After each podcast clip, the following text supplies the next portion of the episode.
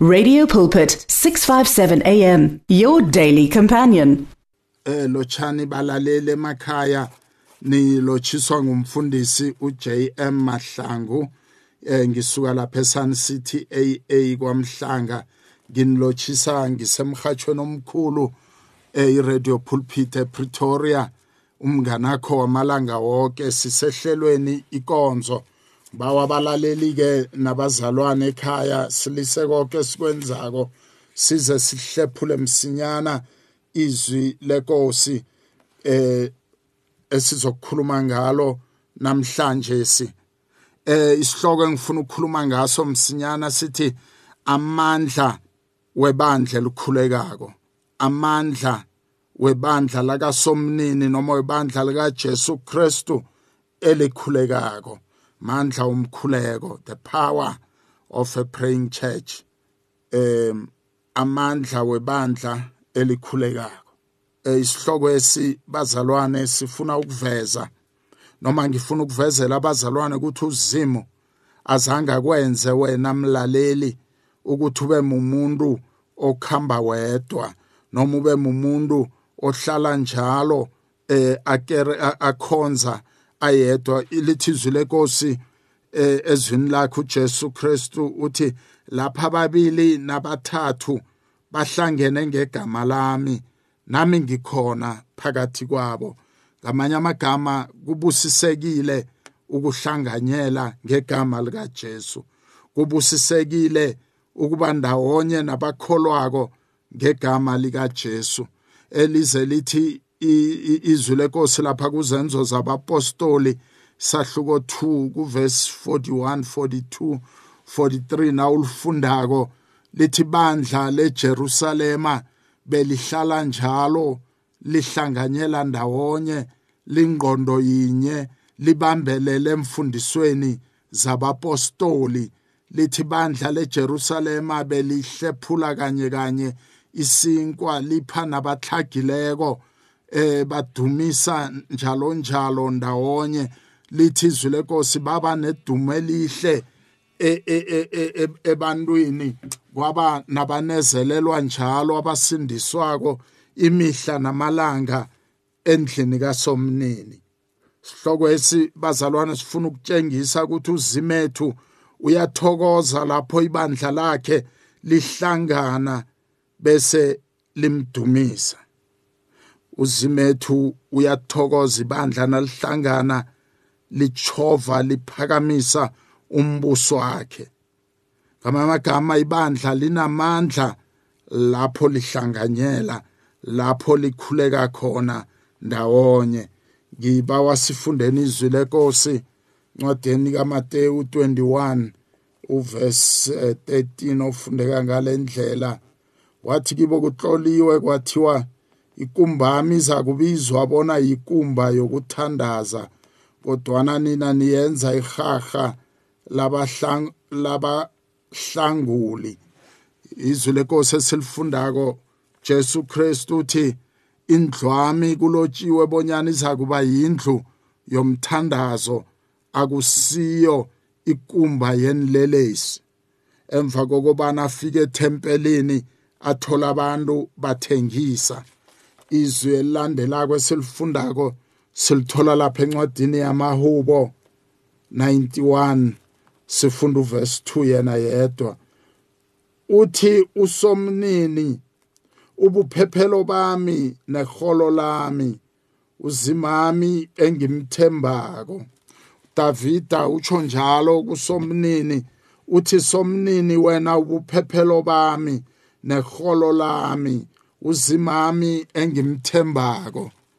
Bandla nalikhuleka litsho njalo kusomnini ukuthi zimethu buphephelo bethu zimethu liholo lethu zimethu nguzimu esimthembako. Sivala amehlo sikhuleke bazalwane. Babe egameni elinamandla lenkosi ethu Jesu Kristu. Baba siyabonga ukufundwa kwezwi lakho. Lihlathuleke baba ngendlela othanda ngayo. Abalaleli nabazalwane balalele baba khuluma ngathi uyathoma ukukhuluma.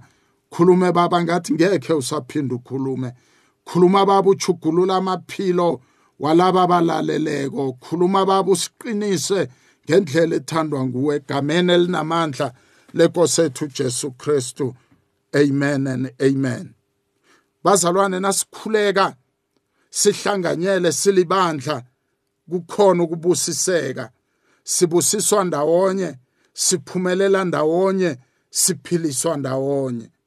Ingakho uDavid athi somnini ubuphephelo bami uliholo lami unguzimame engimthembako zima uthi indlu yakhe iyindlu yomkhuleko. Ngamanye amagama lapho sihlangene sibabili sibathathu zimethu khona kanye nawe.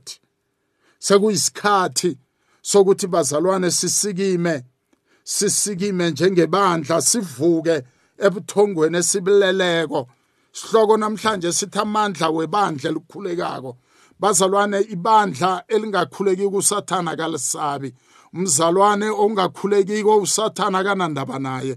Usathana uyamsaba umzalwane noma ibandla elihlala njalo lisemadolweni ibandla elihlala njalo likhuleka lifuna ubuso bukasomandla bukasomnini. Angekhe bazalwane uqhubekise umbuso kazimu ngaphandle kokuthi ulindele ukuhlaselwa. Usathane uyabahlasela laba abakhulekako. usathane uyawahlasela amabandla achumayela ivangeli lamambala. usathane uyawahlasela amabandla ahlala njalo emkhulekweni.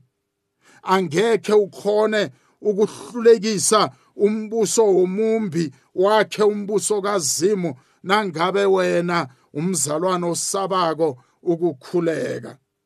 Nasifunda incwadi yezenzo zabapostoli isahluko 12 sithola lapho inkosi uHerodi ivulela ukuthi ibandla ali alahlulelwe noma ibandla alibulawe akubulawa abakholwako. uJames umprofeti uJakobe wabulawa bese kwabanjwa uPetru umpostoli uPetru wamikiswa ejele.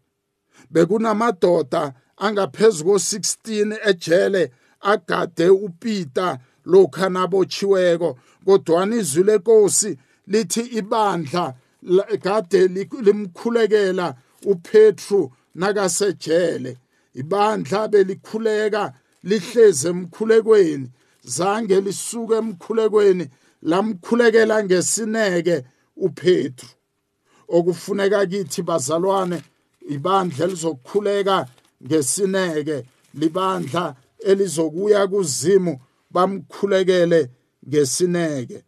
Izwi lenkosi esilifundako izenzo zabapostoli likhuluma ngokuthi ukubulawa kwakampostoli uJakobe nokubotshwa kwakaPetros ngesikhathi esuHerode inkosi wabamba amanye amalunga webandla kobana awahlukumeze. Wabulala uJakobe umnakwabo Johanisi ngesabula.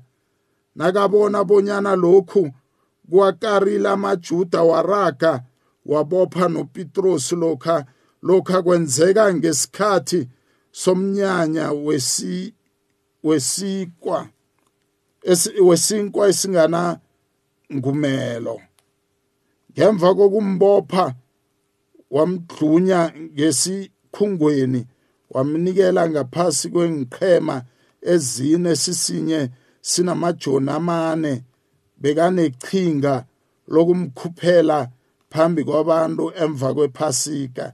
Yeke uPetros wagcinwa esikhungweni eso kodwana ibandla lamthandazela ngesineke phambi kwakazimu.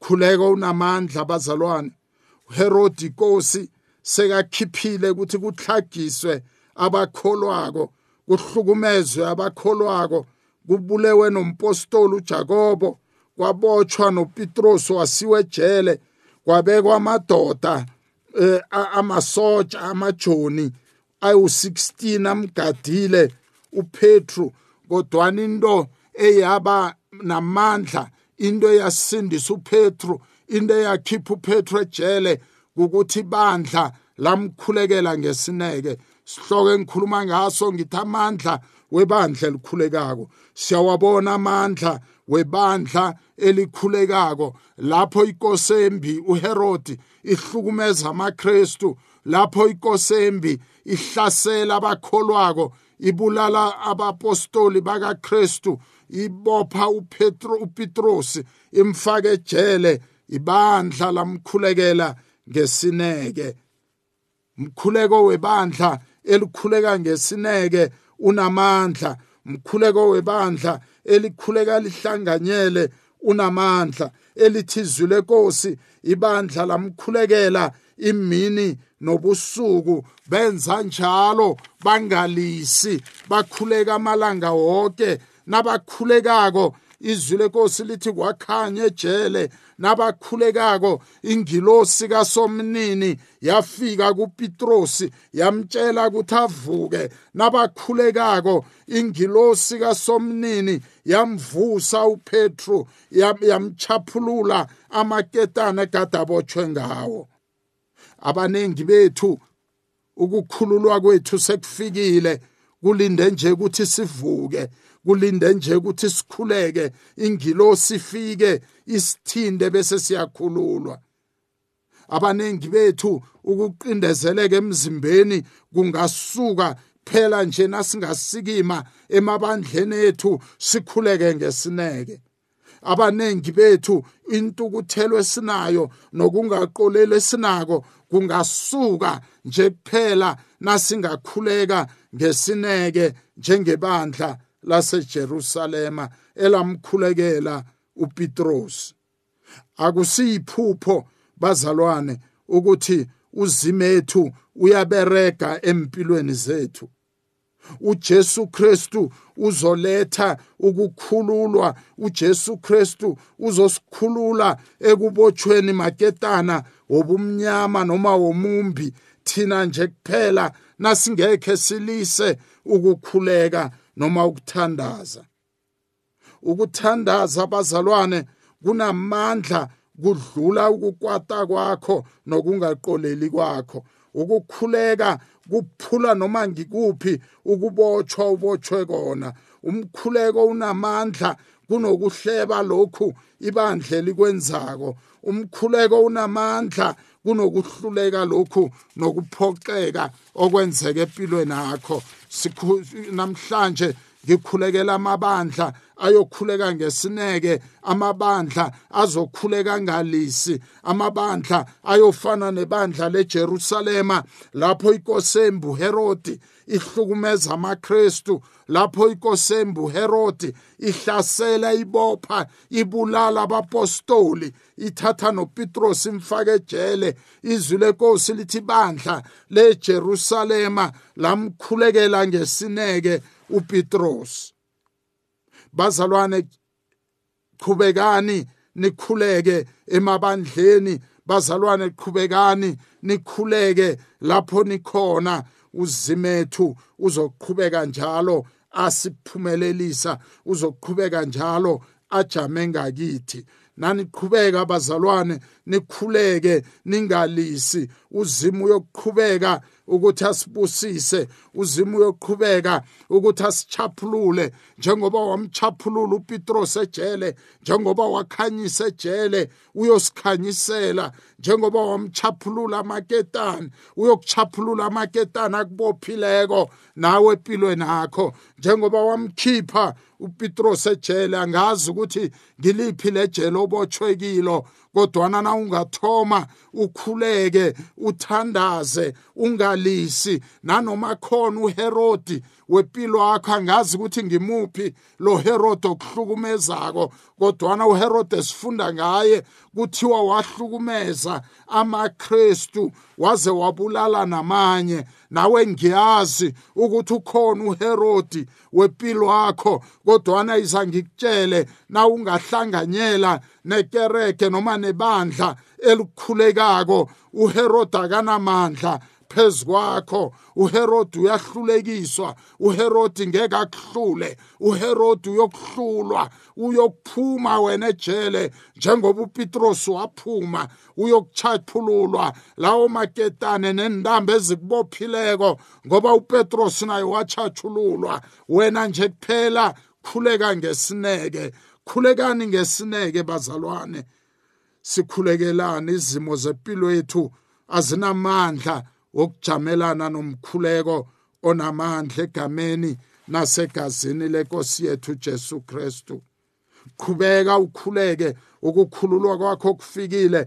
Qhubeka ukhuleke wena nomndeni wakho wena nekhaya lakho simeniqalene naso siyasuka ungalisi ukukhuleka uzimethu uvulela imikariso mraro uvulela imangaliso zephumelelo yakho. Phezulu kwempilo yakho nanoma ngaba uboni lalela mzalwane lalelani bazalwane emakhaya nani balaleli? Nanoma uboni mina ngiyakutshela ngithi uzimethu ukhona uyabereka empilweni yakho uyabereka ekhaya lakho uyabereka ebandleni okhonzakilo kunenkinga yinye ekhona emabandleni kulamalanga amabandla wethu amabandla eimpilo yomkhuleko engasekho.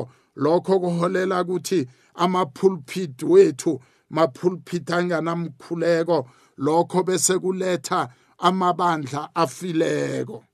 Zonke izinto eziyinkinga empilweni konke kusithwenyako kungasuka nede ibandla nalingaphinda livuseleleke empilweni yomkhuleko. Nangithi bandla ngisho wonke umzimba kaKristu emagumbini amane womhlaba eSouth Africa yonke umzimba kaKristu na ungasikima wonke uvuseleleke ukhuleke. Njengoba lenza njalo ibandla laqala lasindiswa ibandla laseJerusalema ibandla belingqondo yinye ibandla belihlala njalo lihlanganyele lihlephula isinkwa ndawonye. Ibandla leJerusalema ebelihlala njalo lidumisa uzimu likhuleka ngesineke elithizwi lenkosi. Bamkhulekela ngesineke uPawu uPetros bewaphuma ejele. Inkinga zethu zingasuka bazalwane kuphela. Nasingathoma sibe libandla elikhulekaka emzimbeni kaKristu. Abanye bazokubuza bathi maye mfundisi sibona ngani ukuthi ibandla leli bandla elikhulekako ibandla elikhulekako bazalwane ukukhuleka noma umkhuleko yinto ephathelwa phezulu futhi yinto engathwenye mani zifikele kukhulekwe. Ibandla elikhulekako linamehlo wokukholwa ibandla elikhulekako lihlala lilindele ukwamukela okuvela kusomnini.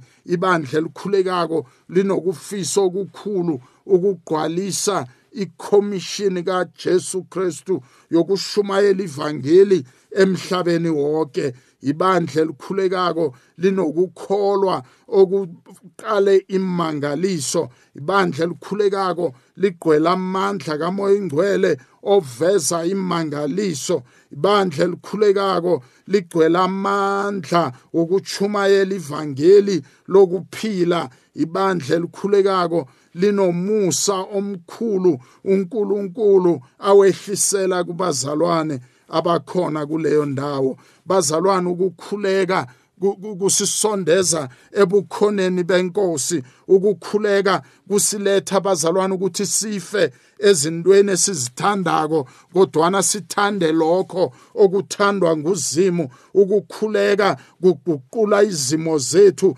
kuguqula ingqondo yethu guqula inhliziyo yethu guqula umphefumulo wethu ukuthi sihlale njalo sibheke ubungcwele bukaKristu ukukhuleka kuletha ukuhlanzeka nobungcwele empilweni zethu. Sengigcina abazalwane ngifuna ukukhuleka nani? Eh laba abangilalela bathi mfundisi sikuzwile ukuthi amandla webandla afika kuphela nangabe ibandla liyakhuleka elithi izwi lenkosi lapha ababili nabathathu bahlangene ngezwi lakhe uthi naye ukhona lapho uJesu wethu.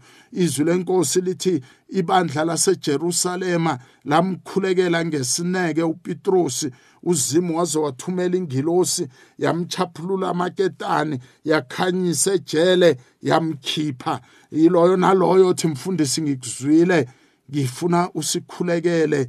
Umkhuleko wokuthi amabandla abe nomoya womusa umusa kamoya ingcwele wehlele phezukwabo wehlele phezukwabazalwane sibe bazalwane namabandla akhulekako. Phakamisana izandla ngisakhuleka.